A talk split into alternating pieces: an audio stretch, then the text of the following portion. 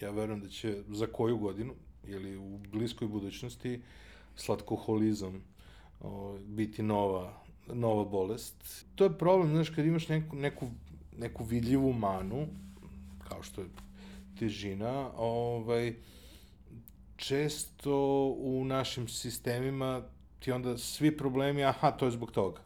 Meni su rekli, aha, ne možeš da imaš decu zato što si debel. Istračim na binu i sad kako je hiljadu ljudi u sali, nema vazduha na bini. I ja sam bio u predinfarktnom stanju na, na 10 minuta, na 5 minuta prvih predavanja. Znaš, prosto jedno predavanje koje je bilo na ekonomskom fakultetu pre 9 godina je promenilo nekome život koji je danas uspešan, znaš. Zdravo, ja sam Milica, a ovo je podcast Božanstvena komedija. Podcast u kome razgovaramo o temama o kojima se ili ne govori uopšte ili govori redko ili prosto ne govori na dobar način. Ovaj podcast podržava kompanija Visa u okviru jednog predivnog projekta koji se zove She's Next i poenta projekta She's Next jeste da Visa podrži žene preduzetnice, ali generalno žene. Saznajte o tome više na sajtu kompanije Visa, a, a moj današnji gost je a, jedna vrlo inspirativna osoba, čovek sa kojim delim rođendan, odnosno datum rođendana i diagnozu koja nije zvanična, ali je fantastična. A, pričat ćemo o nekim stvarno važnim temama. Pričat ćemo o tome kako inspirisati druge, kako pokrenuti nešto u Srbiji, a, kako ne sagoreti i kako sagoreti kada radite toliko mnogo stvari koliko je on uradio. Pričat ćemo o tome šta znači želeti decu, šta znači kad ste suočeni s tim da ne možete da imate, šta možete da uradite, da ipak nešto promenite i na tom polju i još mnogo, mnogo drugih tema, tako da uh, sledi jedan vrlo interesantan i važan razgovor.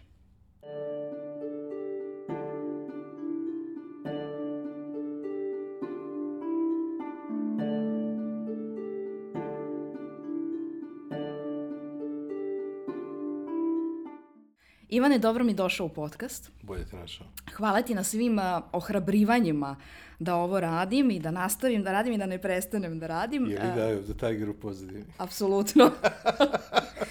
Sećam se na ovaj Digitalki konferenciji kad smo se videli, kad sam te pitala kako to ide, onda si mi rekao da evo sad se već vidi neki baš pozitivan trend od recimo 80. epizode, bili neki ljudi sa nama koji su mi rekli što nisam snimila tvoj izraz lica kad ti on rekao 80. epizoda, jer ja sam u tom trenutku snimila tri, na primer, i već sam se pitala šta mi je sve ovo trebalo. Znam šta mi je trebalo, važno mi je da pričamo o, o ovim stvarima. Uh, možda da počnemo time šta je tebi trebalo to. Uf, pa treba, bili su mi potrebni ljudi. Znači, ona korona i ceo onaj haos i izlazak iz nekog perioda posle konferencije, gomila nekih drugih događaja gde smo se družili, a za nekoga ko radi sam, ko radi od kuće, ja sam radio od kuće i pre nego što je bila korona, tako da sam koronu dočekao ovaj, bez ikakvih promena, što bi se reklo ovaj, sa te strane. I onda mi je bilo potrebno da komuniciram sa ljudima. Prosto shvatio sam da, ne računajući porodicu, prođe ceo dan da, da ne porazgovaraš ni sa kim. I onda, I onda sam razmišljao o tome šta bi to bilo, podcasti su, već sam bio potopljen u podcaste i ono, pratio sam jako mnogo podcasta, to mi je bio način da, da, da čujem nešto novo, da čujem nešto kvalitetno, neke pametne ljude koji pričaju nešto lepo. A, I naravno to sam povezao sa onim što sam radio i pre toga, to je da poznajem jako puno takvih ljudi i da bih voleo da ih ugostim u podcastu i bukvalno bilo štab kanap. Ja sam, mojih prvih 25 epizoda su preko Zuma. U, pod koronom i sve to organizuo, lepo sve napravio. Bilo je dosta haotično. Nisam znao ni kako se montira, ni... Hteo sam da naučim nešto novo. da, izlazak iz komfort zone, pardon, zone komfora, kako se kaže na da, srpskom. Da. Uh, htela sam da u stvari krenemo od početka tvoje priče, a krenula sam od kraja, odnosno od sredine, pošto je Znaš kako, uh, kad smo pričali o mom podcastu i kako bi on trebalo da se zove, meni je naša zajednička prijateljica uh, Sonja Dakić rekla mm. da bi trebalo ime podcasta da bude nešto što je meni važno. A meni je iako se ne bavim zapravo njime, taj italijanski važan i u okviru tog italijanskog Aj, kod mene, najvažniji. si, kod mene si pominjala Dante. Tačno, sam- pa znaš koliko mi je važan Dante i od svega njegova božanstvena komedija, tako da odatle ime, a božanstvena komedija počinje rečima kad bejah na pola svoga životnog puta, nađoh se ja u mračnoj šumi i pravi put mi beše skriven. I ja to vidim kao njegovu krizu srednje godine, odnosno to ispi, preispitivanje na sred života. I kapiram smo i ti i ja negde u toj fazi. Uh, ja bih volio da je ovo sredina mog života. Ovo je sredina tvog života. Živi bili pa videli. Za 40 godina Znaš, kad sedimo. anksioznost je zeznuta u ovim godinama, znaš, ono kao, Znam. želim da izguram kredit. znaš, ono kao još 10 godina i to je to. Dobro, da, da, ali ja se nadam u nekoj trećoj formi, znači kao bio jedno, pričat ćemo o blogovima, kao bio je Znaš, hajb blogova. Konstantno na, na društvenim mrežama umro ovaj, umro onaj, umro ovaj, umro onaj. Jo, jeste, počne, počne ti frka, znaš, ono. To je tačno i kao počneš da razumeš, ma, moja mama je stalno govorila moram da idem na sahranu kod Pere, umrla Mm. mu mama, na primer, i onda sam ja ranije kao, kao dete, tineđerka, mislila da moja mama nešto nije u redu s mamom, Mm. ko voli da ide žena po sahranama. I onda shvatiš da u stvari dođe taj period života kada ti umiru ljudi ili njima umiru neki Da. ljudi i da je mnogo važno da tad budeš tu za tog ko nekog sahranjuje u I stvari. da budeš stabilan, da. Svoj, Da. u smislu, ono, jer tu, tu je praktično, moraš da razmišljaš i kako to sve utiče i na, na tebe, na tvoje porodicu, na tvoje okruženje i šta je to sada dugoročno i da jednostavno, zato imaš i one, imaš onih ovaj, različitih e, nivoa tuge i sve ostalo, znaš, kao prvo si besan, pa onda nis, ono, odbijaš da prihvatiš, da. pa da. I, ovaj, tako da taj deo je veoma ozbiljan problem, tako da bih i jako bih volio da se ove tvoje reči ostvare da je ovo polovina mog života. Ja se nadam da ću da te motivišem da uradiš ono za što znam da si sposoban. I hajde možda da krenemo od toga u stvari. Mhm. Dakle, podcast je hype, podcast je nešto što je sada ovaj, kao trend Mhm. u smislu komunikacijske platforme, a pre nekih desetak i više godina to su bili blogovi. I kad su se blogovi pojavili, ti si bio uh, jedan od prvih veoma čitanih blogova. Dakle, nisi kao prvi krenuo da pišeš blog u Srbiji, naravno, ali jesi prepoznao da je to jedan važan, jedno važno vozilo za komunikaciju i uh, praktično si počeo da pišeš svoj online dnevnik mršavljenja. Hajde pre toga da se vratimo, znači kako si uopšte rešio, zapravo još pre da se vratimo, ti si neko ko dolazi iz sporta. Ti si neko ko je u nekom trenutku trenirao mm -hmm. i bio vrlo fit i um, imao taj neki kult tela. I onda si ga izgubio nekako. Nisam baš, ali aktivno sam se bavio sportom kao, kao klinac. Uh, tako, uf, sad smo ono, tri, tri paralelne teme otvorili. Uh, da, moj trenutak je bio taj neki šest, 16. 18. godina kada sam sportove zamenio ovaj, kompjuterom. I dobio Jer- mlađeg brata. Da, i dobio mlađeg brata. I to, I je, to mi je tako divna Da. vaša priča. naša priča braća jedinici, da obojica smo odrasli sami sa roditeljima, tako da ja sam sa 19 napustio vršaca, on je sa, ono, on se rodio kad sam ja imao 16, tako da on je odrastao sam sa roditeljima, ja sam odrastao. Mi, zapravo je jedna od prvih ideja podcasta, sad, kako tumbam fenomenalno. Uh, E, ali rekla sam u najavi da imamo istu dijagnozu, a jedna od manifestacije je te od digresije, skakanje Da. s teme na temu. Da, maca I digresija. to, da, to je i predivno i, i užasno u isto vreme. Mogu bi da napravim ono kao estradno ime će sad digresija. O, um, da, e, taj deo je bio, ja sam se bavio, bavio sam se gotovo svim sportovima, najviše sam se fokusirao na Aikido i ozbiljno sam se bavio time i onda je prosto bio taj, taj neki ono period ludih 90-ih kada sam provalio kompjuter, nisam imao svoj računar, onda sam odlazio na, mest, na mesta gde bih mogao da naučim da radim na računaru, bilo mi je zanimljivo, su mi bile štamparije, uh, grafika i sve to i onda sam učio kako da pravim novine, 98. kako da pravim sajtove, ali jednostavno posle te neke povrede koje sam imao na kolenu ovaj, u Aikido nisam mogao više da treniram i to nije moglo ni da se sanira više i uh, prosto od tog dela sam, od, da kažemo, odustao, imao ozbiljnih problema sa leđima negde sa 20, 21 godinom, uh, jer sam, naravno, čim, od, čim prestaneš da se baviš sportom, čim počneš da, ovaj, da neke svoje tuge uh, utoliš u slatkom, ja verujem da će za koju godinu, ili u bliskoj budućnosti slatkoholizam o, biti nova, nova bolest i, ili karboholizam, ako hoćemo internacionalno. A, ja verujem da ja to imam.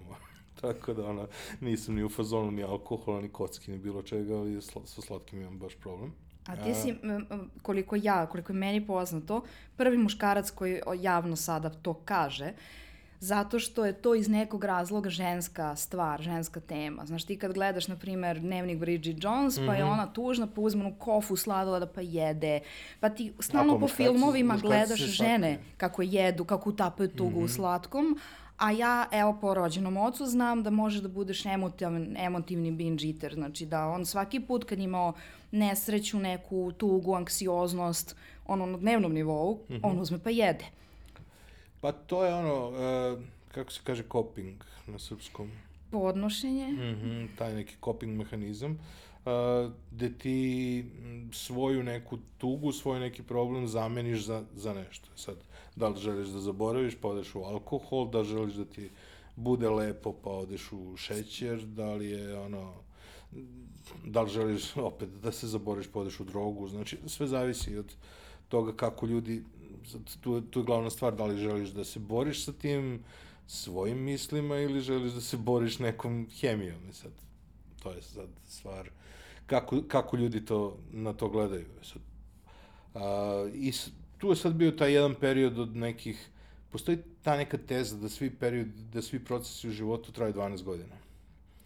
I ako se ne računa prvih šest, koje je neki kao detinstvo, ti onda imaš taj period od 12 godina školovanja, pa imaš taj period od 18. do 30. pa imaš taj period od 30. do 42. Ja sad kao Što je nešto, sada? Ja sad kao nešto verujem u to, znaš, kao to mi je super definicija i u stvari taj period, znači od moje 18. do 30. su obeležili uh, nešto malo politike, ko nije bio u politici pre 2000. i ostalo, uh, onda uh, uglavnom tu bio taj neki period uh, hoću na fakultet, neću na fakultet, hoću svoj novac, uh, slično, ajde, marketing agencije, Beograd, uh, super, sve neke nove promene.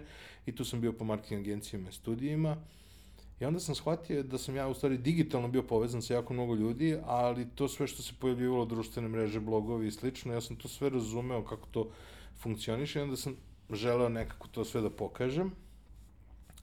Uh, I onda je bila varijanta kao, eto, u tom trenutku sam bio u procesu mušavljanja, počeo sam sa dijetom i kao, eto, to bi bilo dobro sad se napravi blog za to. I ja sam te 2010. godine skinuo nekih 50 kilograma i to sam pratio otprilike. I u stvari taj neki, e, zapravo za prvih, e, za prvih šest meseci sam skinuo 40. I, ove, ovaj, I to je zapravo... Jel ti bilo dobro? Da, da. Ove, ovaj, I, mislim, ja mogu da uradim gomilu stvari kad, kad kažem ajde. Znam da, da možeš, znam, ali, isto. taj trenutak dok kažeš ajde je neverovatan i sad to negde more. Sad, kod ideje je to interesantno i kod kreativnog rada kojim se bavim je to interesantno. Ti uzmeš neke stvari, staviš negde u neki, ono, u, u neko skladište u, u mozgu i onda ostaviš da, da mozak tu ideju nesvesno procesuira i onda imaš svoje neke mehanizme, da li sabotiraš sam sebe da to realizuješ ili hoćeš to da realizuješ i on trenutak kada ti dođe neka ideja na pamet i ostalo, i onda kreneš to da napraviš, ali za ovo baš sam ja bio u fazonu, ajde, nema problema, pojavilo se to kao problem, a, već si manje više nagovestila zašto, to je jedina priča koja nije ispričana na debeljuci koji je bio inicijalni osnov. To nismo I, rekli, da. za neko ko je možda mlađi ovaj, od nas, a, sluša nas, Uh, Malo je čudno da ja sa ovolikom kilažom pričam o dijeti, ali da, ja sam nekad imao... Blog se zvao Debeljuca. Da, blog se zvao Debeljuca. I pitala sam juče da li još postoji negde online i žao mi je što... Sigurno postoji neka arhiva, da. Da, mogao bi to nekako ponovo da aktiviraš. Mislim da bi ljudima bilo značajno. Bilo bi im smešno. Dobro, eto, makar nešto. Znaš, kao vidiš, a- On. ali, da, dosta, dosta, dosta tekstova je licemerno, znaš, dosta tekstova je ona neka varijanta, ono kao imam 30 godina i kao pričam svima svako ovo može, znaš, sad neko me pogleda sa 42 sa opet ono još većom kilažom od onda i kao daj, ja, znaš. I kao, Da. da. li postoji jojo efekt, kao ne postoji, sve je u glavi. Mislim, to je u stvari bila teza celog bloga, sve je u glavi, znaš. I stvarno što jeste sve u glavi. Pa da, ali malo su neki tekstovi tamo sad licemerni, ako znaš. Da, Bio- imam bio ja to. Sad, ako hoću da budem potpuno iskrena u rođenom podcastu, pošto ja to o, od gostiju o, dobijam tu potpunu Mhm. iskrenost, pa evo i ja da budem potpuno iskrena. Gledam ja svaki dan Facebook Memories i nekada glupo sad zvuči kao bude me sramota. Ne bude me sramota, to sam isto ja, ali vidim koliko sam bila na pogrešnom mestu pre, na primjer, 12 godina, 14 godina, što je jako dugo na Facebooku. A, neki tako, što ti kažeš, licemerni, nadobudni prosto neki stavovi, stavovi koji ne podrazumevaju razumevanje za nekog drugog. Za drugog imam, ali znaš, e, to, to, je bilo, to je bilo moja borba u fazonu sam, nisam ja tu nešto posebno nabeđivo na druge, ja sam dosta to obrađivo sebe, ali ja sam bio u varijanti ovo može svako. znaš, taj deo je bio malo onako suviše mm, nadobudan, što je negde karakteristika muškaraca 25 do 35. Možda bilo koga od 25 do 35, da. Pa, Dok ne sraste čelni Pa kao što režim sa kažeš da ostatkom se mozga. ne vidi kad muškarci jedu, znaš, ono što ti kažeš, vidiš u dnevniku Bridget Jonesa, ali isto tako, ono, mislim da se na dobudnost i arogancija muškaraca mnogo više vidi nego ženski, tako da stvari je, ono, Mm. verovatno su sve stvari identične i za muškarci i za žene, samo Da. su neke stvari mnogo vidljivije. Zato što nam neke subliminalno prikazuju u pop kulturi, Hmm. na primjer kroz filmove i serije. Ti, baš sam se bavila time, meni je hrana jako važna tema. Mhm. Kad muškarac jede u filmovima ili serijama, to ima neku svrhu. Znači, sednimo na poslovnom ručku, sednimo na dejtu, došli smo kući pa Osim kao ako ne jedemo. gledaš Monty Python. Uh, zato obožavam Monty Python, što kod njih ništa ne mora da ima svrhu. A dok žene jedu bez nužno svrhe, znači ne, bez socijalne svrhe, kako bih ti rekla. Ti često i vidiš da se... samo što nije prikazano. E, da. to je poenta, nije prikazano. Znaš, ti imaš kao, ne znam, onaj Legally Blonde, kako se već, ne znam kako je preveden, kada ona kao uzima one čokoladice, pa pojede pola, Mm. baci drugu polovinu. Nemaš muškarca koji pojede pola i baci drugu polovinu. A muškarcima je takođe važna Ja bih hrana. pomerao stvari umom kad bi mogo da bacim drugu polovinu. Apsolutno znači. isto. znači, to nije moja fora, to je neko napisao na netu, ali stvarno je tako, znači, kada bi mogao da bacim drugu polovinu čokolade, znači, kao da, da, da uzmem tablu čokolade, da otkinem kocku i da vratim ono cijelu tablu čokolade. Da, da vratiš, ne da Da, baciš. da vratim. Mene su učili da se ništa ne baca, jer deca u Africi gladuju. I znaš kako mora sam ja da dece nahranila tako u Africi, pošto sam jela stalno sve iz tanjira. Ja, to je, to je interesantno, tu postoji jedna teza o ovaj, tome, ali ne želim opet da ulazim u, u nutricionizam, ali to je fora kao kad dete plače, a, to je sad ono kao, da li tražiš izgovor u, ove, u roditeljima i ostalo, kad dete plače može da ga nešto boli, da je gladno ili da je upišano. I u, Govorimo o bebama, Govorimo da se bebama, razumemo. Da, u bebama koje, koje plaču, koje ne mogu da komuniciraju. O, ne znam da li sam bio precizan. Nekad moj mozak, znaš, on nešto podrazumeo. A, I onda se dešava da a, je u, u mnogo većem broju slučajeva majka to proba da reši tako što mu da da sisa. I onda dete doživljava da svaki bol, svaka nelagodnost se rešava hranom. Tako je. Tako da, ako ste debeli, nabedite to na svoje roditelje. Ima jedan fantastičan lik Nisam želeo to da... pratim online. On je psiholog i gitarista i profil se zove psiholog-gitarista. I a, a, baš fantastičan lik koji je imao nedavno na Twitteru objavu jeste, kod me, da ne odgovaram svakom pojedinačnu inbox, kod mene možete dobiti tu potvrdu da je mater kriva za sve. Mm. tako da uvek može se... Ali, znaš šta, i njena mama je imala mamu, tako da Mhm. baba je u stvari kriva.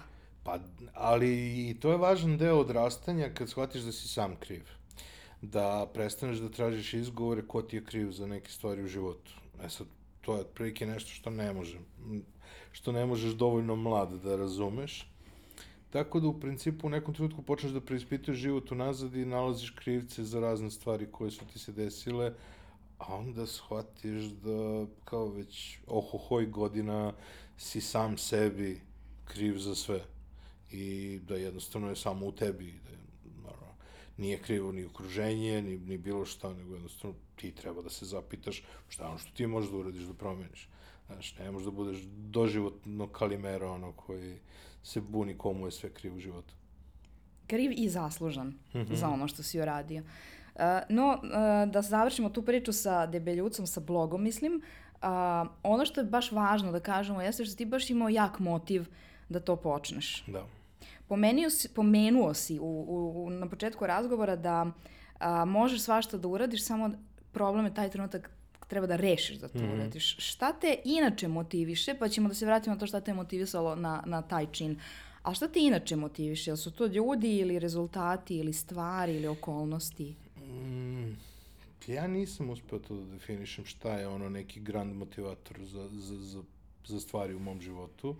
A, za debeljucu je bilo onako baš je bila životna stvar zato što sam meni je porodica mnogo važna. Ja sam želeo da imam svoju porodicu i jednostavno 2008. smo u braku i meni su tad rekli, a, jer to je problem, znaš, kad imaš neku, neku, neku vidljivu manu, kao što je težina, ovaj, često u našim sistemima ti onda svi problemi, aha, to je zbog toga.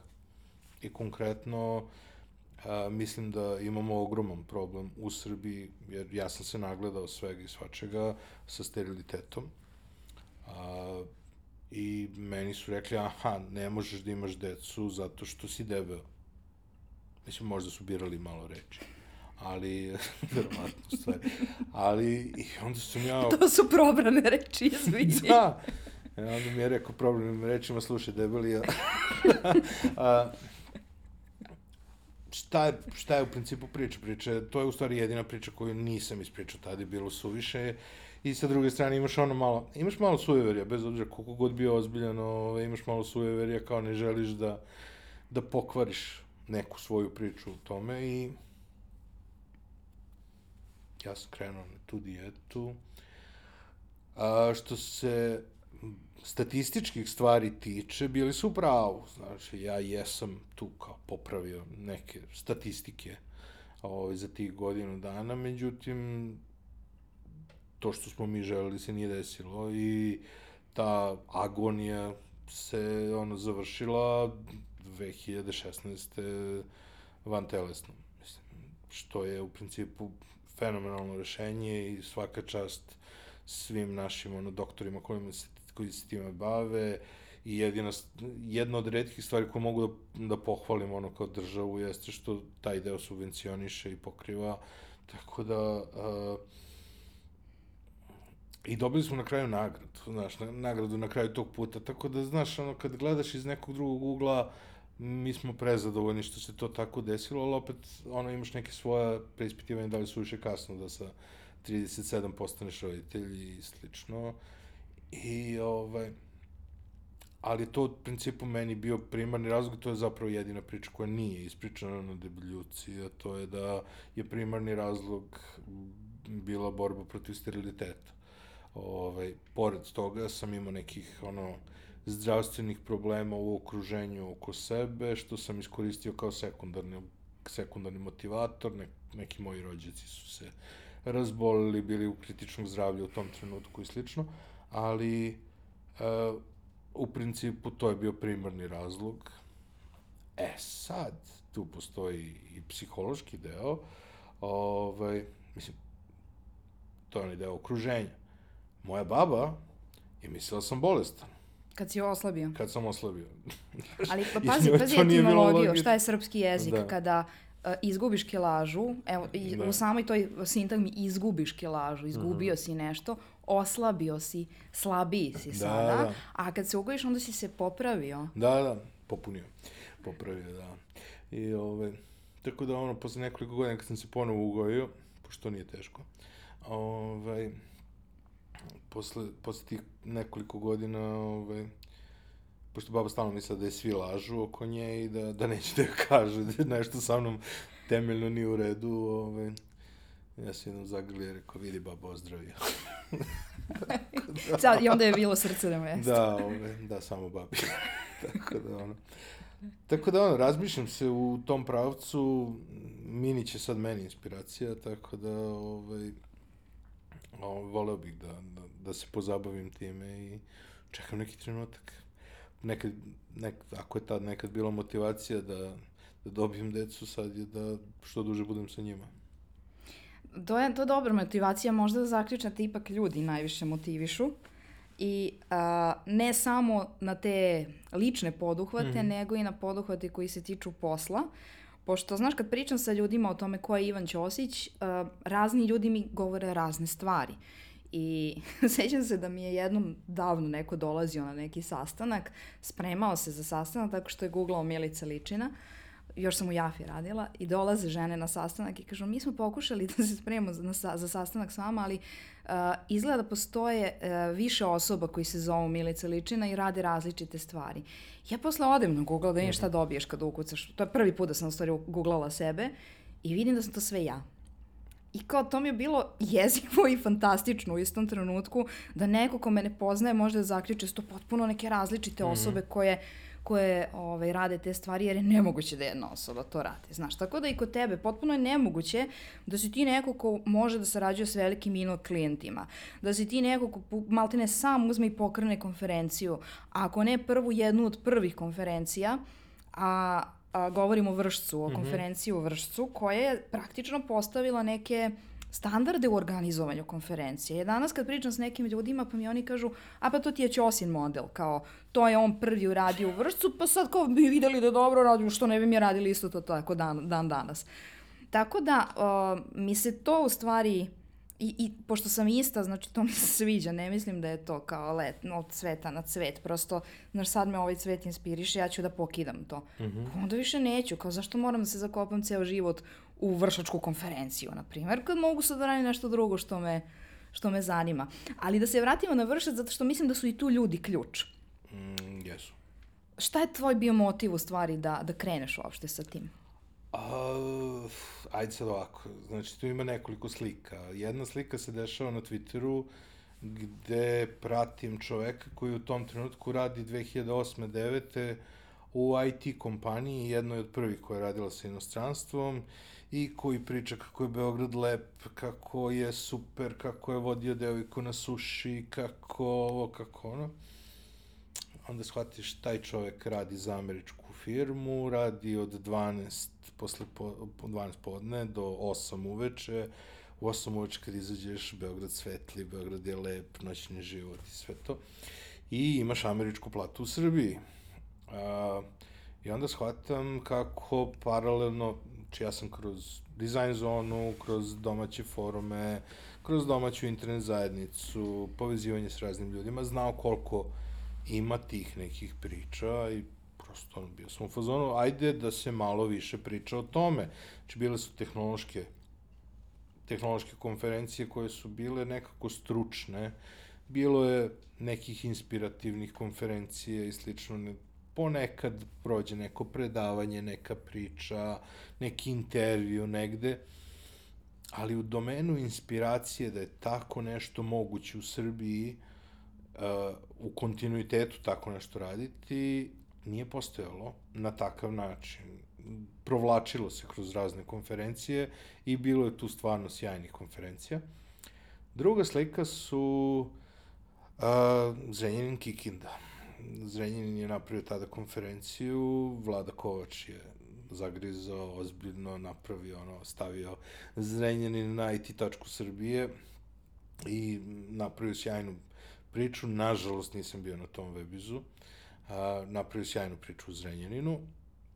Po uzoru na vladu, e, Kikinda uzme i napravi tog leta konferenciju i onda smo onako sedeli u Kikindi i ove, dvoje mojih prijatelja, Anđela, Vlada i ja. Vlada je takođe kao što sam ja kikinski zet. I onda nas troje smo sedeli u, u Kikindi na konferenciji i onda su oni mene kao, aj pravimo konferenciju, aj pravimo konferenciju, aj pravimo konferenciju. I rekao, ajde, tako da... A, I onda, a, e da, fali još jedna slika između, a to je neka grupa koja je nastala a, kada je a, Zoza napisao tekst a, o internet trgovini u Srbiji, mala bara nigde krokodila, kao da li uopšte Sećam se postoji. teksta. Da, i onda se okupila, okupila se internet zajednica Srbije pod nazivom Sastanak krokodila. Krokodila, da, da, i, toga ovaj, se sećam. Krokodili su, je, je bilo mesečno druženje te neke zajednice, a, gde sam ja organizovao tipa novembra, godinu dana pre moje konferencije novembra, a, jedan odlazak kao tur u, u Vršac, da, da se mi kao družimo i slično. I bilo je, bilo je tu jako, lepih, jako lepog networkinga, sastajali smo se jednomesečno i to je bilo lepo. I tu je zapravo nastala ideja za konferenciju. I e, nas troje trebalo da, da, da budemo organizatori te konferencije. A, I sad, Kiza, Danica i ja. Danica trebalo da dovede ovaj, predavače, Kiza je trebalo da obezbedi sponzora, a ja sam trebao da organizujem ono kako će to da izgleda i, i da, da, da to sve napravim. I, uh, I onda je bila varijanta, uh, Danica je tr, uh, pitala uh, koliko, na koliki budžet može da računa, a Kiza je pitao koji će budu predavači da bi znao koliko da traži para od sponzora i, i, i to je bilo ono koka jaje moment koji se nikad nije realizovao, tako da je to negde bilo, a moja je bila želja da, da tema bude rad odavde za globalno tržište, jer sam ja već od 2008. radio za globalno tržište odavde, poznao sam jako mnogo tih nekih priča i želeo sam da se mnogo više priča o tome i tako je nastao i taj slogan živi lokalno, radi globalno. A, moja ideja je bilo da budu tri bloka. E sad, to je sad ta, ta varijanta kao i u podcastima, kao i svemu drugom što radiš, to je sad lepo Laza Džamić kod mene objasnio, treba budeš potopljen u sadržaj. Ja sam bio na gotovo svim konferencijama tada i ja sam jako mnogo tih konferencija video i onda sam video šta otprilike fali. Sad meni su tu smetali recimo veliki paneli gde ti dođe 10 ljudi, gde svako ima na kraju mogućnost da kaže jednu rečenicu, ti nemaš pojma ni iz kog ugla je došao taj neko, ni šta je sve uradio to mi je bila jedna stvar koja mi je jako smetala, a opet panel je dobar, dobar model. Sa druge strane, mnogo mi se dopadao TED kao inspirativni model. Ono što mi se dopadalo kod TED-a je to da svako može da uh, svako može da sluša svaki TED, jer je TED napravljen tako da, da svako može da čuje. Meni je bilo važno da predavanje programera može da, ču, da sluša dizajner i da apsolutno nema veze, da nije tehničko sa te strane. A što se dužine tiče, ja sam do tada već dva puta učestvovao na TED-u i onda mi je, e, nekako sam imao utisak da 18 minuta TED-a je pre, predugo, e, prekratko, pa sam podigao to na 25, tako da to sve bilo neki fine tuning svih tih nekih stvari, a bilo mi je mnogo važna inspiracija, jer, znaš, ti imaš, odeš na bilo koju uspešnu kompaniju i onda uđeš na About Us i pro, pročitaš ono kompanija je osnovana. Znaš, to kao, kompanija je sama rešila, znaš, ono, kompanija je neko sad više biće i to sad vi, ta kompanija je rešila. Ne, tamo su Pera i Mika imali su taj problem i rešili su da, da ga reše Tako je, i da. za taj problem je neko rešio da im da pare Jo, i onda hvala- su se hvala iscimali, primetio ovo. znaš, i onda, taj, taj ono kao odđeš u, koju god uđeš about us sekciju, a na koje kompanije se ložimo? Pa ložimo se, znaš, ložimo se na Apple, zato što znamo priču kako su Tako. Jobs i voznjak seli u garažu i ono, i kako su sklapali sve to i kako su sve to napravili. To je, to je jedna od prvih stvari koju sam ja u Jafi promenila, zato što je priča strava, ja sam je iskopala u crvenki, Mhm. oni nisu baš nešto komunicirali. Uh, da je upravo to, kao, bilo je privrednika u kraju, Mhm. jedan je imao po, osnovana već bila šećerana, imali su šećer, pa su imali farme jaja, pa su pravili brašno i onda su u nekom trenutku shvatili da imaju sve za kolače, kao, ajde da pravimo nešto što može da se napravi od svega što imamo i da uvežemo te privrednike u, u, To je bilo jako smešno kad pričaš o Jafi, znaš, ono kao, i onda pomoranđe, kao gde ste imali farmu pomoranđe, znaš. Ne, fora je što nisu znali da priču- prave tu kolače. Da, da, I onda su bili u fazonu, pa dobro je kao zvaćemo nekog ko ume da pravi kolače, znaju ovi Britanci, dovedite nam nekog. I Britanci je u stvari doneo recept za Jaffa cake, odnosno Jaffa ili kako god da ga oni zovu. I uh, dao je ime da se koristi u bivšoj Jugoslaviji. Mhm. Za, mislim, 25% od profita u prvih pet godina. I kad je isteklo tih prvih pet godina, to je bilo 81. njima se toliko svideo model da su bili u ajmo opet, šta još imate tamo u McVitiesu? Daj mančmelo, kada ćemo to da pravimo. Aha. Po istom modelu sa iz, malo izmenjenim imenom i logom, a, a kažem sa u stvari kupljenim receptom i licencom, a posle pet godina prelazi u trajno vlasništvo ovaj, Jugoslavije tadašnje. Da, i, i taj deo mi je smetao da te inspirativne priče, jer ja sam znao koliko ima tih inspirativnih priča i onda sam želeo tako da ih ispričam po tom nekom modelu i sada vidimo da jako mnogo podcasta zapravo funkcioniše po tom sistemu, to je taj jedan od najboljih storytelling modela, to je Rex to Riches, ono, kada si bio u nekom problemu, od trnja do zvezda po srpskoj. Uh, ili latinski, ako, ko, ko preferira. Peraspera ad astra, da, ajde, mora četiri godine, pa još dve pera, na faksu. Pera, To je neki pera. Da ima neka o... korist od toga. I, ovaj, tako da, pomagao sam jako mnogo u tom trenutku predavačima da, da se bace u taj, u taj format za neki nisam očekivao koliko će da se ogole, isto kao i ti. Ja, možemo da kažemo sada javno za sve koji organizuju konferenciju, a slušaju nas, jer ti i ja i dalje idemo po konferencijama i tamo očekujemo neki sadržaj. Uh, ja mislim da je jako važno da s predavačem prođeš šta će da priča i njegovu prezentaciju. I jako je malo ljudi kojima možeš blanko da daš, to si ti, na primjer. Ja bih te zvala na bilo koju, koju konferenciju, znajući da ćeš ti da odgovoriš i vizuelno i, i kontentom, to je sadržajem, m, super, ali postoje ljudi koji imaju predivne priče i prosto na konferenciji se desi da ih ne ispričaju na adekvatan način samo zato što niko nije prošao sa njima kroz to što će da pričaju i pomogao im da iznesu tu priču na bolji način. Pa da, uf, pa mislim, imaš to, evo recimo Sonja je to jedno od njenih najboljih iskustava kada priča o tome kako se pripremala za TED u Beču. TED to i ima. E sad imaš predavače kojima to nije potrebno, imaš predavače sa kojima treba da radiš, Ima, pre, imaš predavače sa kojima treba da uradiš pripremnu stvar, pa da im samo ono ih zamoliš pred kraj da, da, da iskoordinišu sa tobom šta žele i kako žele, da probaju, znaš, mislim, mnogo je važno.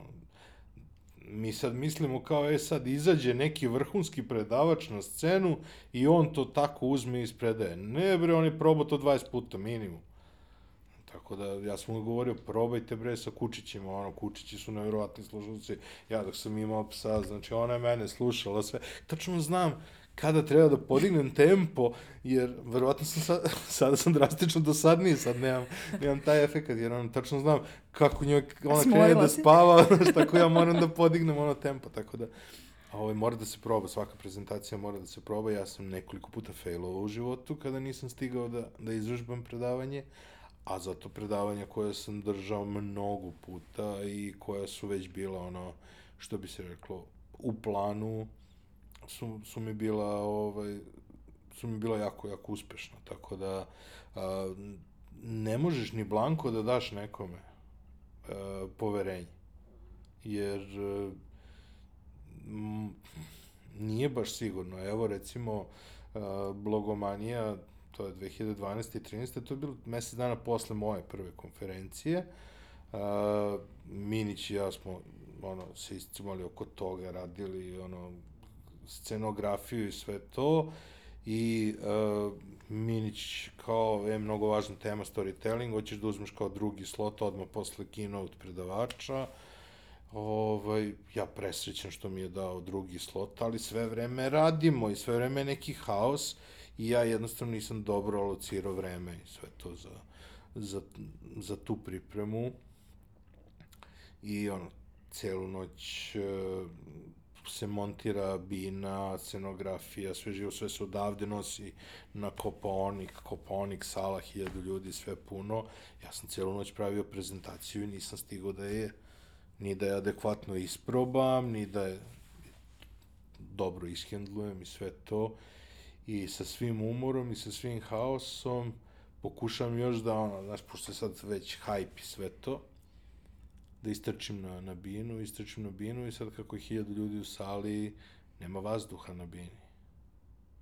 I ja sam bio u predinfarktnom stanju na, na 10 minuta na pet minuta prvih predavanja. Mislim, dolazi Miloš Maksimović, daj mi vodu, ja menjam mikrofon sa njim, jer on meni nešto pruža, ja mu dajem njemu svoj mikrofon, to se sve vidi na snimku, znači to je strašno. Ja samo što nisam pao u nesvest. Na kraju sam okrenuo leđa publici, izduvo onako kompletno vazduh uh, i rekao, eto, mislim, kad želiš da uradiš više nego što možeš, nekad izgineš i, ovaj, i tu sam dobio podršku publike i to je onako čudno jako prošlo, ja to je ostavilo jako veliki uticaj na mene u smislu da sam ozbiljno failovao. Za mene to bio ogroman fail i posle toga nisam, baš nisam želeo da, da nigde učestvujem gde nemam dovoljno vremena da se pripremim i baš onako mi je to bilo, Doduše, posle meni zašao sa Đenercik na scenu i pokidao i onda su svi zaboravili ovo moje. Doduše, imao sam jednu, ovaj, uh, jedna draga žena mi je prišla i rekla, a, pričao si o storytellingu i pričao si o tome kako moramo da budemo emotivno vezani za priče, ali ovo sve je bilo odglumljeno, da bismo mi bili emotivnije vezani za ono što pričaš. Rekao, ma nisam baš toliko dobar glumac, ali mi je jako drago što, ovaj, jako mi je drago što, što toliko verujete u mene. Ona me je dobio posle već. još neki feedback na, tu, nis, na to predavanje? Bilo bi se zanimljivo uh, čuti, da li mm -hmm. je i publika to tako dramatično doživjela jest, kao jest, ti? Jeste, zato što, mislim, a ostalo su bili prijatelji koji su bili u varijanti kada samo smo ono, jedva smo čekali da, vidim, da se završi. da se završi, jer je bilo ono, bilo strašno, znaš. Sad razmišljam kao Koponik, Ćosa, znaš, kao treba da... Gde je najbliža hitna da, pomoć. To, to, to, to. Tako da, ovaj, taj deo je bio jako, jako dramatičan. I onda sam razmišljao o tome i o, i o pripremi, o vremenu, znaš, i onda se dešavaju čudne stvari s organizacijom konferencije i nekad moraš neke ljude za koje znaš da imaju dobru priču, da imaju potpuni ono tremu i imaju strah od izlazaka u javnost i budi ti drago meni je sad recimo drago da sada vidim na podcastima, na javnim nastupima, neke ljude koji su imali toliku tremu da sam ja bio taj koji ih je ubeđivao da prvi put izađu na scenu. Znači, to je isto lepo osjećaj. Jeste. A što se tiče panela, znači tu smo napravili taj blok ovaj, koji je bio namenjen uh, uh, da tri predavača koji su već održali predavanje, znači već znaš ko su i šta su i sve ostalo, uh, sednu na panel sa mnom gde bi ih ja pitao onda još neke dodatne stvari o kojima smo mogli, koja je neka kao tema bloka. E sad, to je onda bilo zabavno, jer MC dobio i taj panel. A, posle toga su se razvile te neke konferencije koje imaju milion panela samo da bi doveli što više ljudi, da bi to bilo veća publika, da bi to napravilo veću, ove, ovaj, veću masu, što ima smisla, ali treba da ima i meru. Tako da, ovaj, a, mi smo napravili taj, taj neki model i taj deo bio uspešan. E sad, na prvoj konferenciji su nam rekli iz hotela, slušaj, nemoj sve da ih pošalješ na ručak u istom trenutku, kolabrirat ćemo, znaš. I onda je trebalo nekako napraviti delay neki, ovaj, neko odlaganje.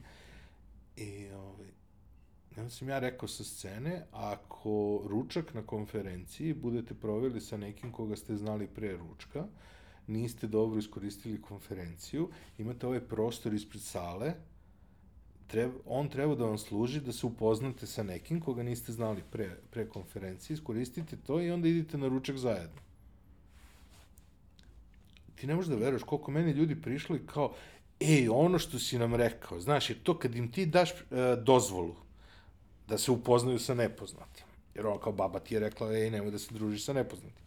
I, ovaj, kad ti neko da dozvolu da se družiš sa nepoznatim, da se upoznaš, da priđeš, da, da ti nije ono, nama bilo blam, sad je klincima cringe, verovatno, ovaj, taj deo je mnogo važan i posle toga mi je a, bil praktičan razlog, nemojte svi da idete na ručak u istom trenutku. I to nam je bilo. Tako da, a, taj... A tu, a tu te ne bi poslušali. Pa da. Nemojte svi na ručak, jesno dobro, evo ja idem prvi, a nek neko drugi sačeka. Joj, nisam, uvijek sam na konferenciji uvijek išao poslednji. Pa znam ti, ali mislim. Znači, onda krenu mi hvale, evo, znaš ono što je bilo super, ako nisam ni stigao na to, tako da uvijek sam kasnio na, na najbolje delove klope u vršcu. E, s jedne strane daš im dozvolu, s druge strane zapravo ih podstakneš Da. i daš opravdanje. Zato što kao sad priđemo, ja tebi, ti meni, a ne znamo se, uh, uvek Šta postoji ovaj taj strah, kao šta ovaj hoće, hoće me muva ili neće i ne znam šta, a, a ovako kao, pa rekao je Ćosa da moramo da se upoznamo, znaš. Ja to Kad je rekao Ćosa, onda... Moramo da se upoznamo. Znaš, kao, ne smo kažemo ne. Tako da, taj deo bio mnogo važan i onda je zapravo networking na vršcu bio mnogo važan. I taj networking... A, priča prosto o networkingu je postala mnogo, mnogo važna i provlačio se. A, ne mogu da kažem da je vršac bio prvi, E, ja sam zapravo video kako networking funkcioniše još od BizBaza i konferencija sa koj, na kojima smo mi počinjali, je trgovine i slično. A, ali mislim da smo ga tek tada, tih godina, kroz vršac i webiz, a, Vlada i ja stavili onako u u fokus, da smo no, stavili svetlo na networking, da smo ga objasnili i da smo objasnili važnost jer do tada je bilo prosto, znaš, kao otišli smo na konferenciju, pa sad neki su networkovali, a neki nisu, znaš. Tako da, ovaj, što se tog dela tiče, mislim da smo u tom trenutku prvi put stavili ovaj, stavili onako svetlo reflektora na networking, da je to važna komponenta konferencije i onda smo shvatili koliko u stvari e, jako mnogo događaja i konferencija a, ljudi misle da, da je sve okej okay samo ako imaju ono pristup streamu. Ti kada odlaziš na konferenciju, odlaziš na konferenciju i zbog poznanstava, zbog upoznavanja, zbog doživljaja i zbog znanja. Znači, samo predavanje na konferenciji je, ako bismo pokušavali da ga valorizujemo, četvrtina vrednosti. Slažem se. Ja sam upisala recimo već u kalendar Digitalk Zrenjanin za sledeću godinu. Iako ne ja, nego ni organizatori ne znaju ko će biti predavač, ali je ta vrednost o kojoj pričaš nešto što znam da ću sigurno dobiti. Pa da. A dobit ću je baš zato što su i Ivan i Vlada Kovač i a, bože, stoji mozak, treći čovjek koji Vito. napravio Bizbaz. E, Vitomir, tako je. A, što su njih trojica godinama u konferencijama i godinama u zajednici i godinama u networkingu i njihov network je ono potpuno potpuno čudesan i ti znaš da ćeš dobiti deo tog networka i, i neko osnaživanje i ohrabrivanje i neko razumevanje u ostalom za to što radiš. Znaš, to, to, to možda često podcenjujemo, ali m, dešava nam se da klonemo i da pomislimo kako eto, dokle više ja ovo radim ili zašto ja nešto radim, onda odeš tako na neke događaje i shvatiš da ljudi iz cijele Srbije se slično osjećaju, pa ti nekako možda malo bude lakše. A, I tu je bilo mnogo važno to što su ti neki događaji bili izmešteni iz Beograda. E, bilo je jako mnogo lepih i dobrih, kvalitetnih konferencija sa kvalitetnim predavanjima u Beogradu. Ali kada neko dođe iz kancelarije na, na predavanje koje želi da čuje, a, iskoristi pauzu posle tog predavanja za neko druženje i onda ga pozove kolega da mora nešto završi brzo u kancelariji pa mora da se vrati, to nije isto. Kada si izmešten na, na drugu lokaciju, a to su Vršac, Zrenjanin, Kikinda, Niš, onda je to Subotica. Onda. Da, Koponik. Onda je to drugačija priča. Onda si prosto upućen na to da si tu, da ne, nema odlaska u kancelariju, da nešto završiš. Slažem se. I uh, pokreneš onda tako neku lavinu. Uh, juče smo pričali baš o, o TED govorima i jedan koji si mi poslao kao inspiraciju je, verovali ne, jedan od mojih bukvalno pet najomiljenijih TED govora. Uh, mislim na Dereka Siversa i uh, How to Start a Movement. To je govor iz 2010. godine i dalje mi je ono u pet najboljih TED govora. On mi je inače super, to što on radi, način na koji se bavi preduzetništvom, kako stvara nove vrednosti, mi je, mi je strava, ali taj konkretno govor, koga citiram nekad u nekim svojim prezentacijama, i to tačno onaj deo gde on pušta snimak sa festivala gde lik kreće da džuska, I onda šta je u stvari najvažnije, onaj drugi kao first follower, onaj drugi, druga osoba, a prva koja počne da te prati. Da, da.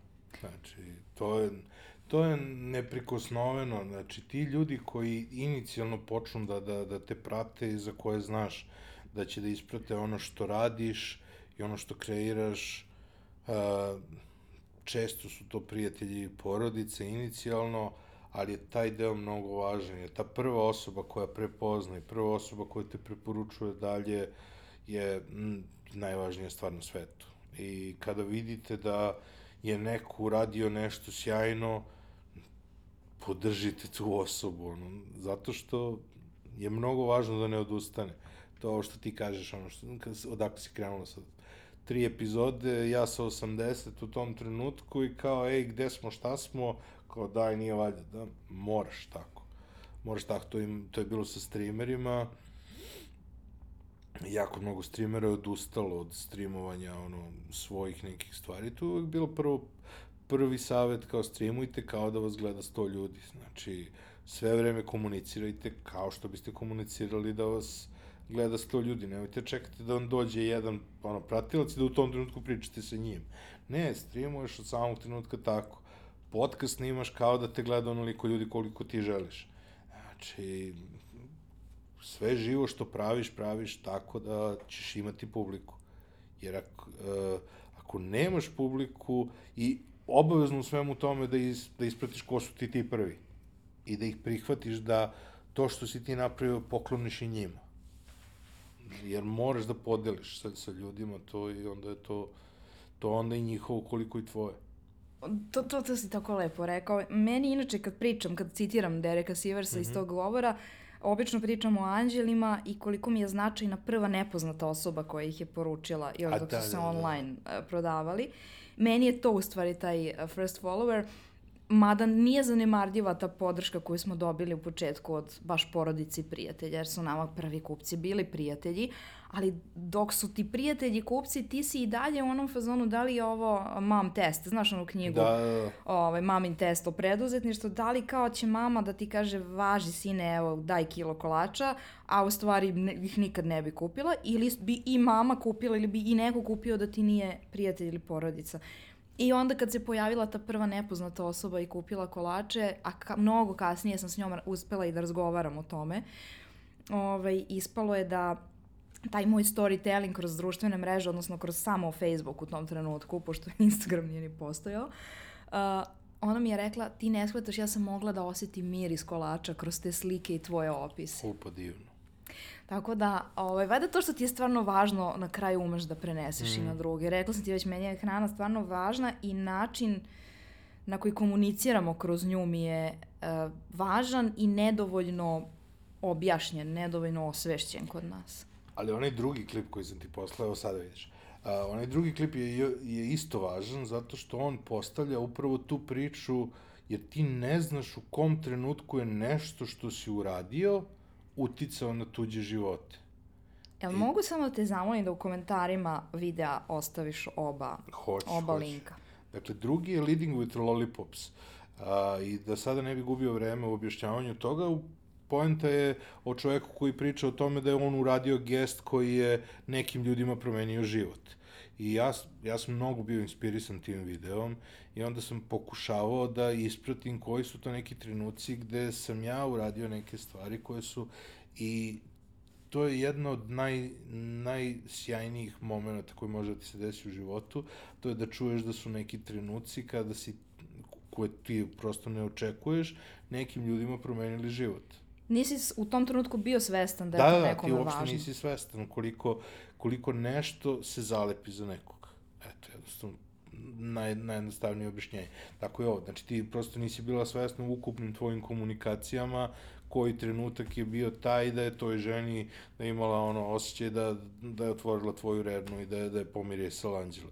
Tako da, tako isto i ovo, znači, a, kada komuniciraš sa ljudima, ti nemaš pojma šta od onoga što si ti govorio je ostavilo i rezonovalo, ostalo u njihovoj glavi i rezonovalo dovoljno. Tako da moraš da razgovaraš sa time i e, moraš da razgovaraš o tome i jedna od najboljih stvari jeste da, da, da s vremena na vreme postaviš pitanje prijateljima oko sebe šta je nešto što sam ti rekao da ti i dalje zvoni u glavi. Jer to je u principu dobra osnova da bi napravio neke dobre priče o sebi. Jer onda od toga možeš da sklopiš dobru priču i da tu priču dalje koristiš. Jer ti praktično time praviš neku evaluaciju onoga, neku analitiku, šta je ono što ja u stvari govorim, što stvarno ima vrednost. Da, meni je moj tehnolog pomogao da to osvestim. Ja sam držala predavanje o Facebooku još 2008. godine. 9. 8 jako davno u svakom slučaju, mm. pred punim Sava centrom na PR konferenciji i pun Sava centar je u tom trenutku bio apsolutno siguran da mene neko plaća da se zezam na Facebooku. Apsolutno nisu bili svesni. Od te pune sale, ne znam da li je 5% ljudi shvatalo potencijal društvenih mreža za marketing i za prodaju. Uh, sada mislim da i najprosečniji korisnik shvata, jer mu je maltene svaka druga objava zapravo neka, neka sponzorisana prodajna objava ali u tom trenutku bilo je baš malo svesti o tome i ja sam dugo verovala da je moje znanje u tehničko, da je moje znanje u tome što ja umem da napravim aplikaciju koja radi na Facebooku, tipa ako se sećaš bilo je pošalji poklon, poukuje mm. nekog i slično, ovaj, pa si mogao sam da razviješ aplikaciju okviru Facebooka. I mnogo kasnije sam shvatila da moje znanje uopšte nije, jeste ono tehničko, ali to nije njegova vrednost. Vrednost je upravo u storytellingu. Mm. A shvatila sam kada mi je stigala poručbina neka od osobe koja slučajno sam prepoznala da je naš tehnolog, biv, bivši moj kolega iz Jafe, jer ima specifično ime i prezime, koji je nekom me za poklon poručivao Anđele i ja mu odgovorim pitajući jesi ti ta osoba, mm on kaže jesam, a ja znam da si ti ta osoba zato što sam prepoznao u načinu koji pišeš o anđelima, ne kao ti nego kao stranica anđeli, ja sam prepoznao način na koji si pisala o Jafi to je prvi put da meni neko kaže da moj storytelling o brendu ima aha, stil. Aha, aha. Znaš, ti kao se čitaš, ne znam, Pekića, ti tačno znaš da je on zato što on ima svoj stil. Slušaš lupam Bajagine stihove, znaš da je Bajaga jer ima neki specifičan stil. Meni je to bio wow moment i Slušaš, veliki kompliment. Slušaš, nemaš pojma, dakle. Da, da, tako je. Može biti šta god. Ali kao da ti storytelling ima stil kad pišeš o brendu, to mi je baš bio veliki kompliment.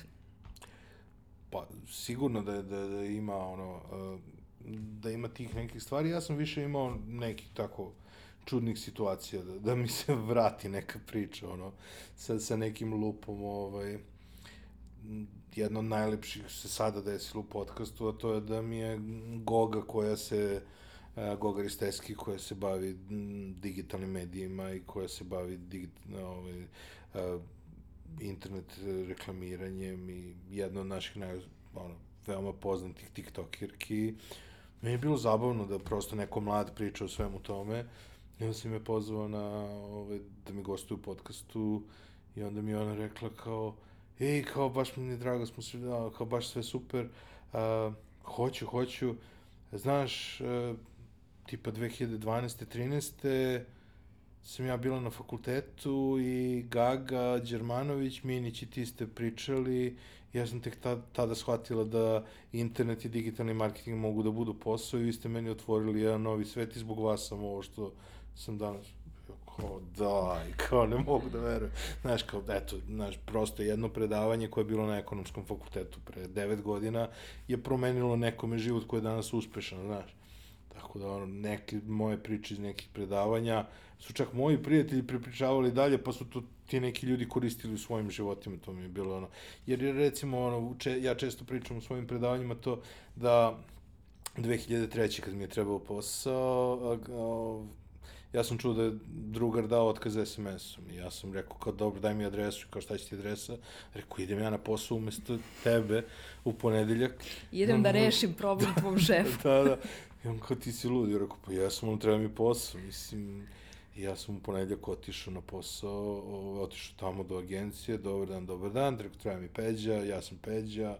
Rekao, i to ako ja znam da je vama će mi dao otkaz SMS-om u petak uveče, vama će trebati dve nedelje da nađete novog kreativnog direktora, ja mogu da počnem da radim sutra. Mislim, mogu sam i tog dana već da počnem da radim, ali ajde bar da bude nešto. Malo da udaram čežnju ipak. I on onako stoji, čovjek stoji. I kaže, dobro, dođi sutra. Ja sam tako počeo da radim u agenciji koja je u tom trenutku radila za Microsoft i IBM, znaš. To je bio trenutak kada, kada sam se, ono, bio neki kratak period kada sam ja otišao iz Beograda za, za Vršac, pa bio neko vreme u Petnici i vratio se za Beograd i treba mi posao. Tako sam našao posao. I sad, a, moj prijatelj to čuje, u nekom ćaskanju to ispriča svojoj prijateljici koja je u tom trenutku radila kao senior dizajner u agenciji u Milanu.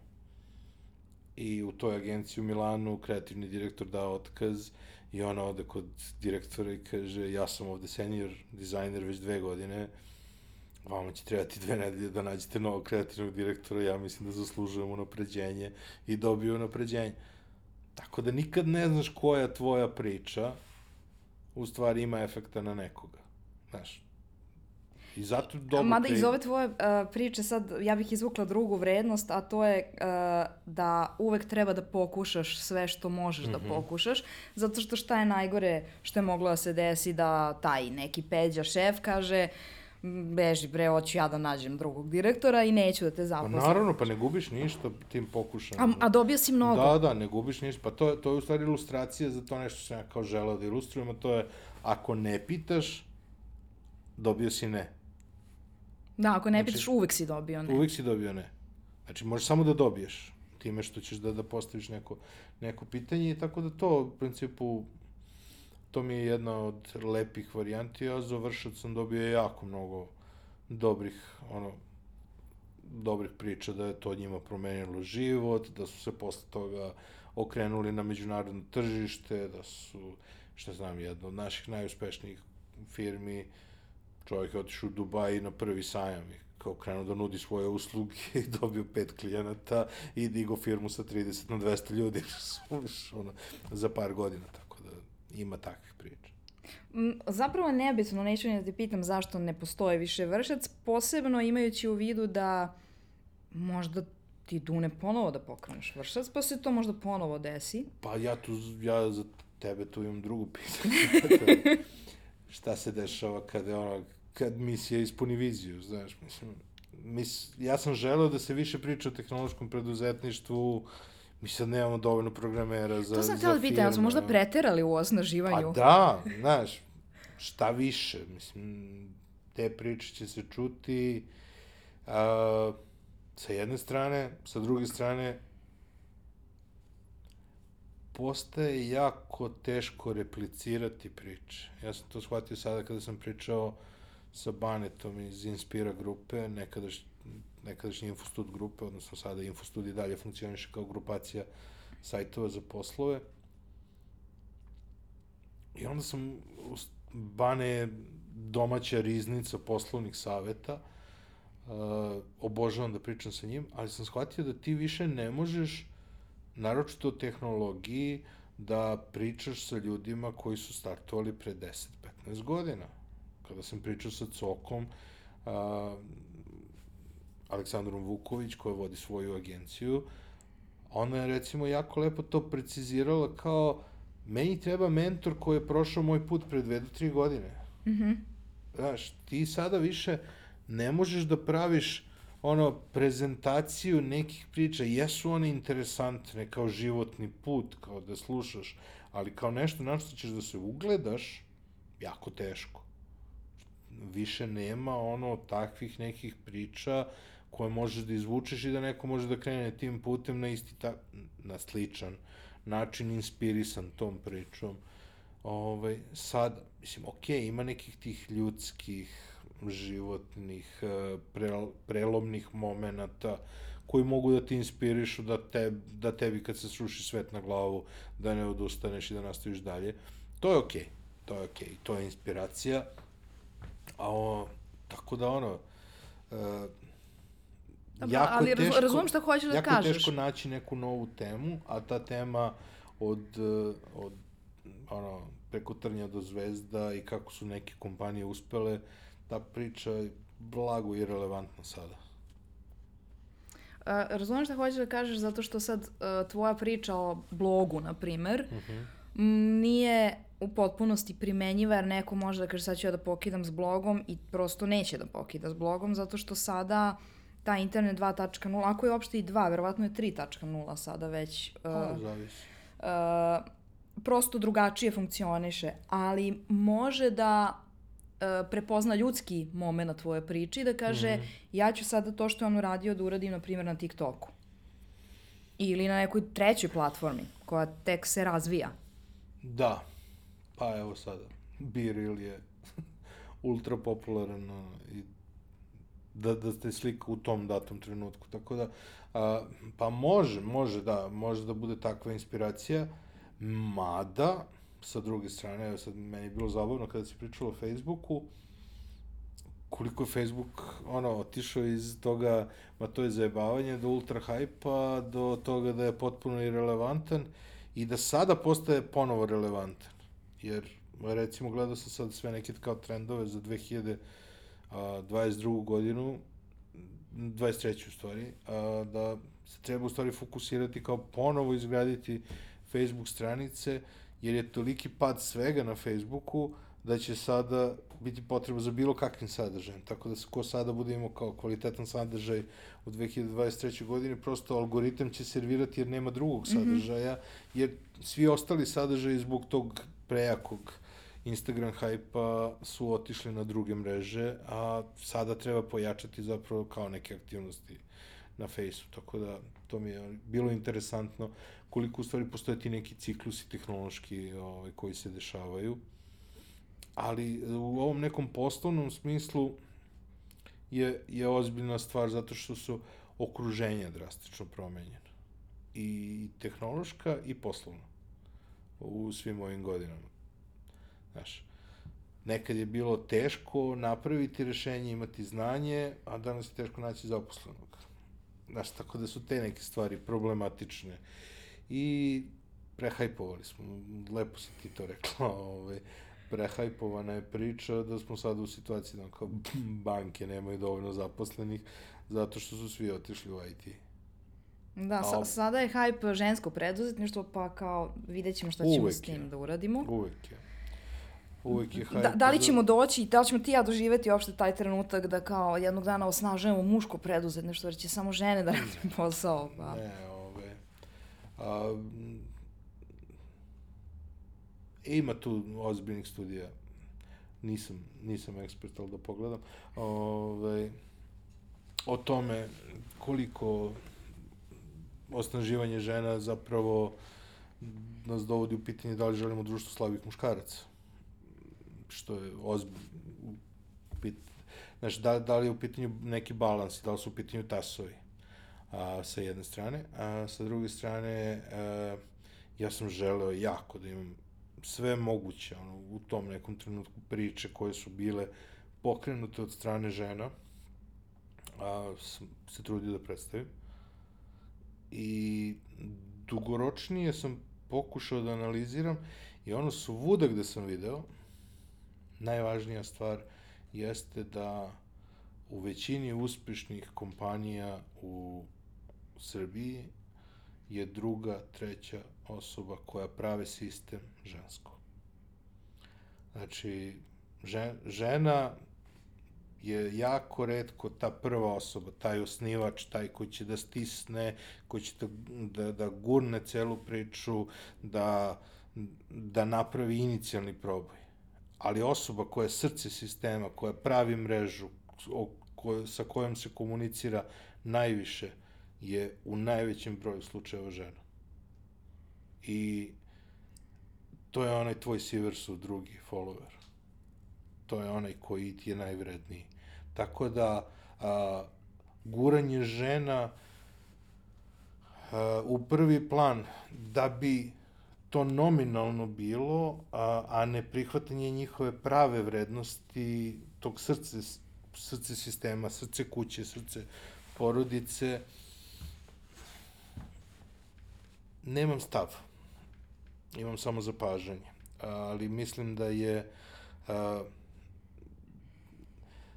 da im nedovoljno, nedovoljno a, dajemo vrednost za to što su srce sistema a, želeći da budu a, u prvom planu.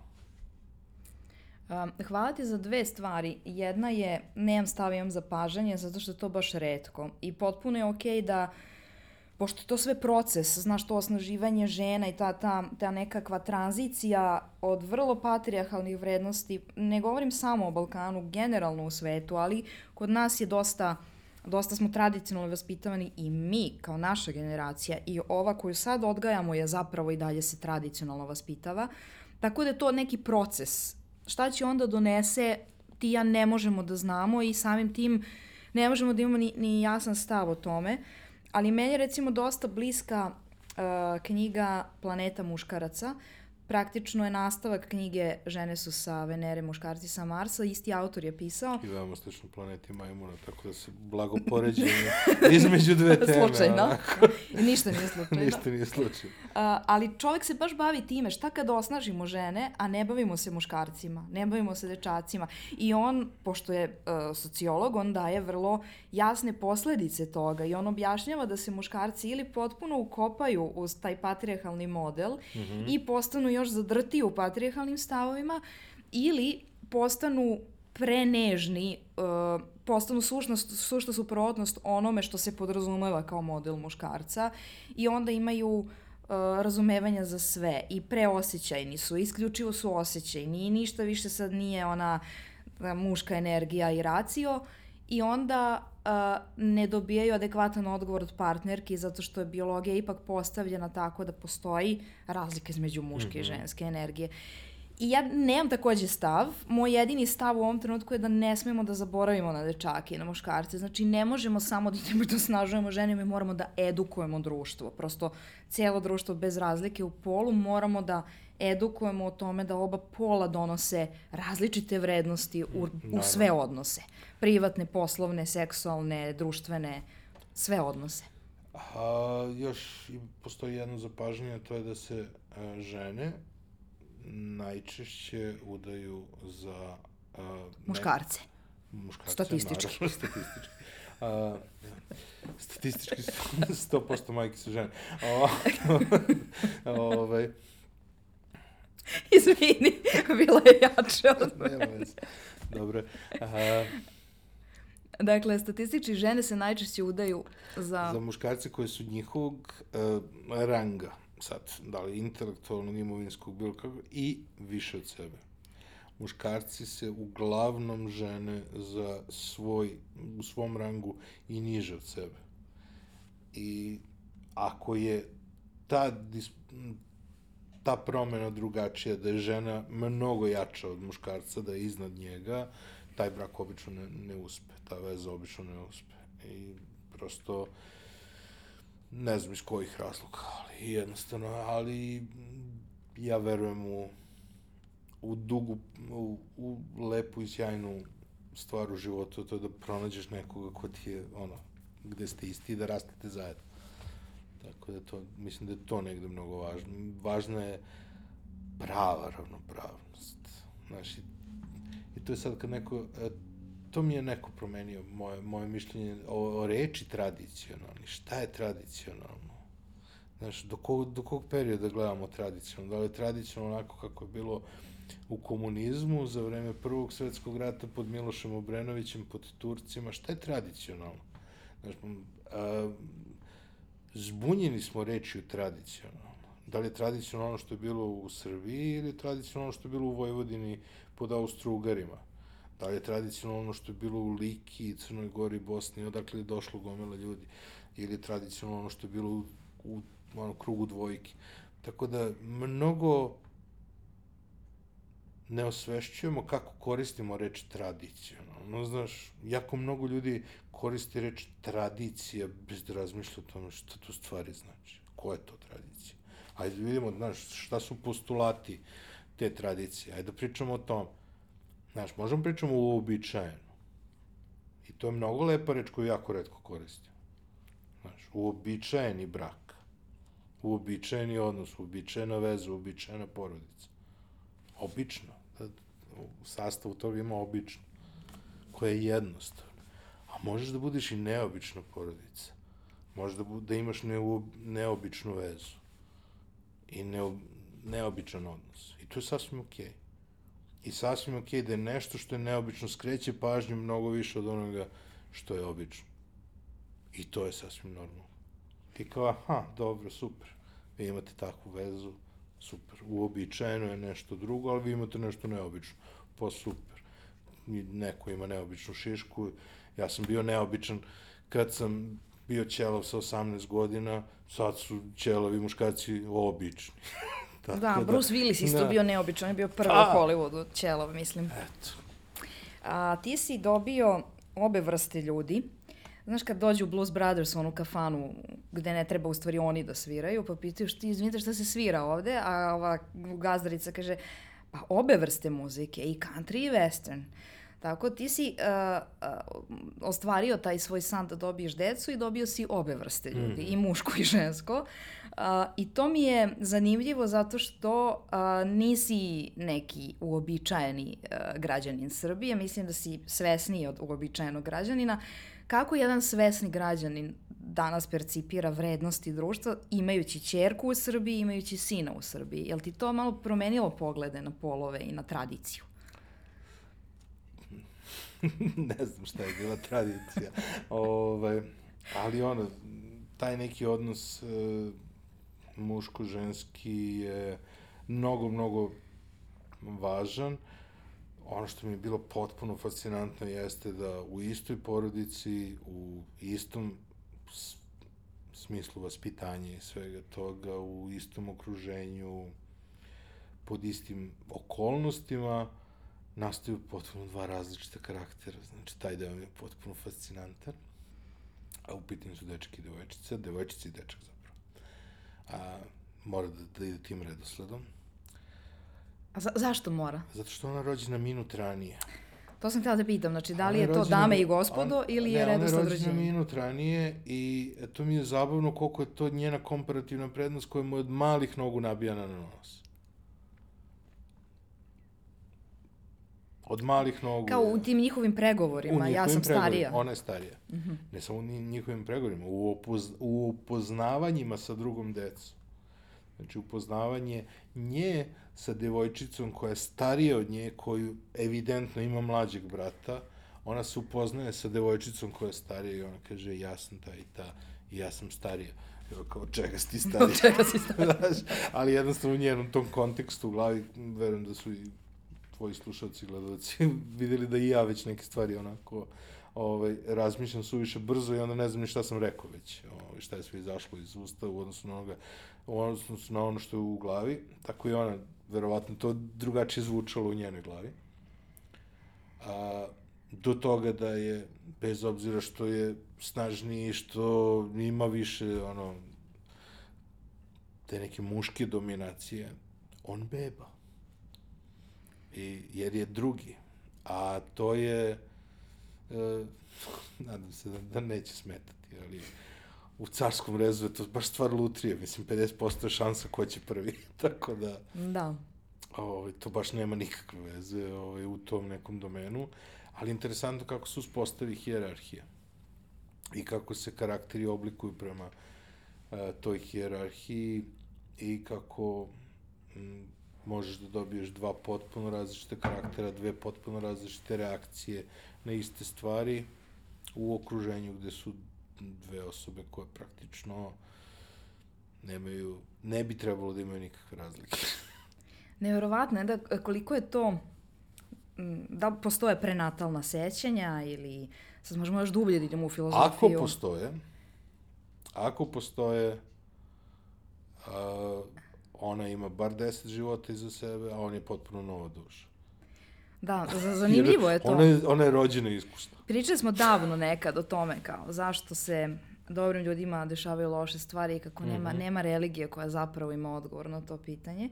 Ali ja sam drugu stvar htjela ti kažem, bila sam pre par godina na nekoj radionici uh, kod Mire Gnjatić, ona je prva dula u Srbiji, mm -hmm. a dula mu dođe prati, pratiteljka na porođaju, dakle ne, ne medicinski obrazovana oso, osoba, mada može biti, nego više psihološka podrška no. na porođaju i neko ko ženi može da pomogne pri disanju i tim neformalnim tehnikama za savladavanje anksioznosti, straha, nervoze, bola i slično. Uh, njoj je gostovao jedan uh, momak na toj radionici koji mislim da je baš bio ginekolog koji je pričao o tome kako je u kasnijem životu, razgovarajući sa mnogim ljudima, izvlačio paralele o načinu na koji su rođeni. Mm Mhm. -hmm. I to je bio njegov lični utisak, dakle ne, nije doneo studiju da to potkrepi, ali sam ja mnogo puta posle razmišljala o tome.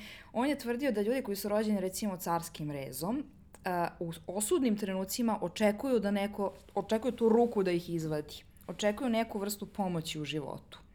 Dok ljudi koji su imali recimo brze, lake, prirodne porođaje, odnosno oni su kao bebe to imali, uh, su prosto navikli da tako i rešavaju stvari.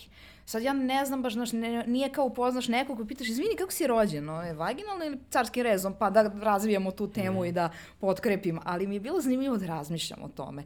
A ti si mi je sad dopunio redosledom rođenja u carskom rezu. Da. I fantastično mi je koliko takve ono, pričali smo o tim sitnicama, o tom butterfly efektu, kao koliko trenutak, da li je doktor uhvatio tebe ili tebe, da. potpuno ti redefiniše neke stvari u životu.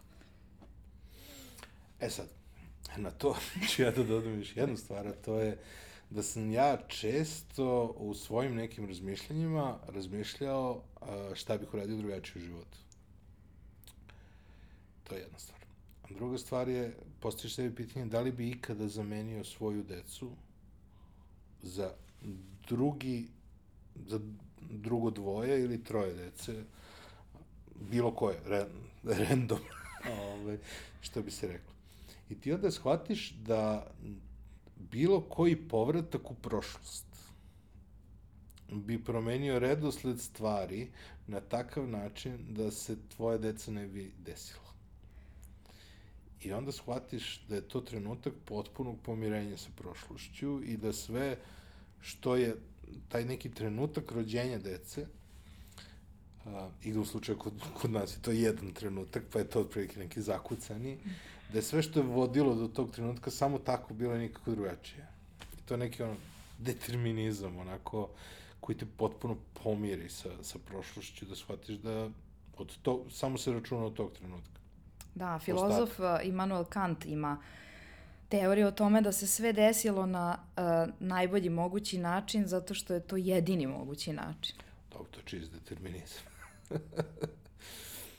Ali da, drago mi je da smo se dotakli te filozofske teme. Uh, Ima i blaga verzija ovoga, to je filmić ovaj, ono, sa Gwyneth Paltrow, Sliding Doors. Ne, nego nešto i In Time ili tako nešto gde i otac i sin imaju tu mogućnost da, da, da, da hodaju kroz vreme i da mm -hmm. menjaju stvari i onda kao to se prekida trenutkom kada, ovaj, kada ti se rode deca.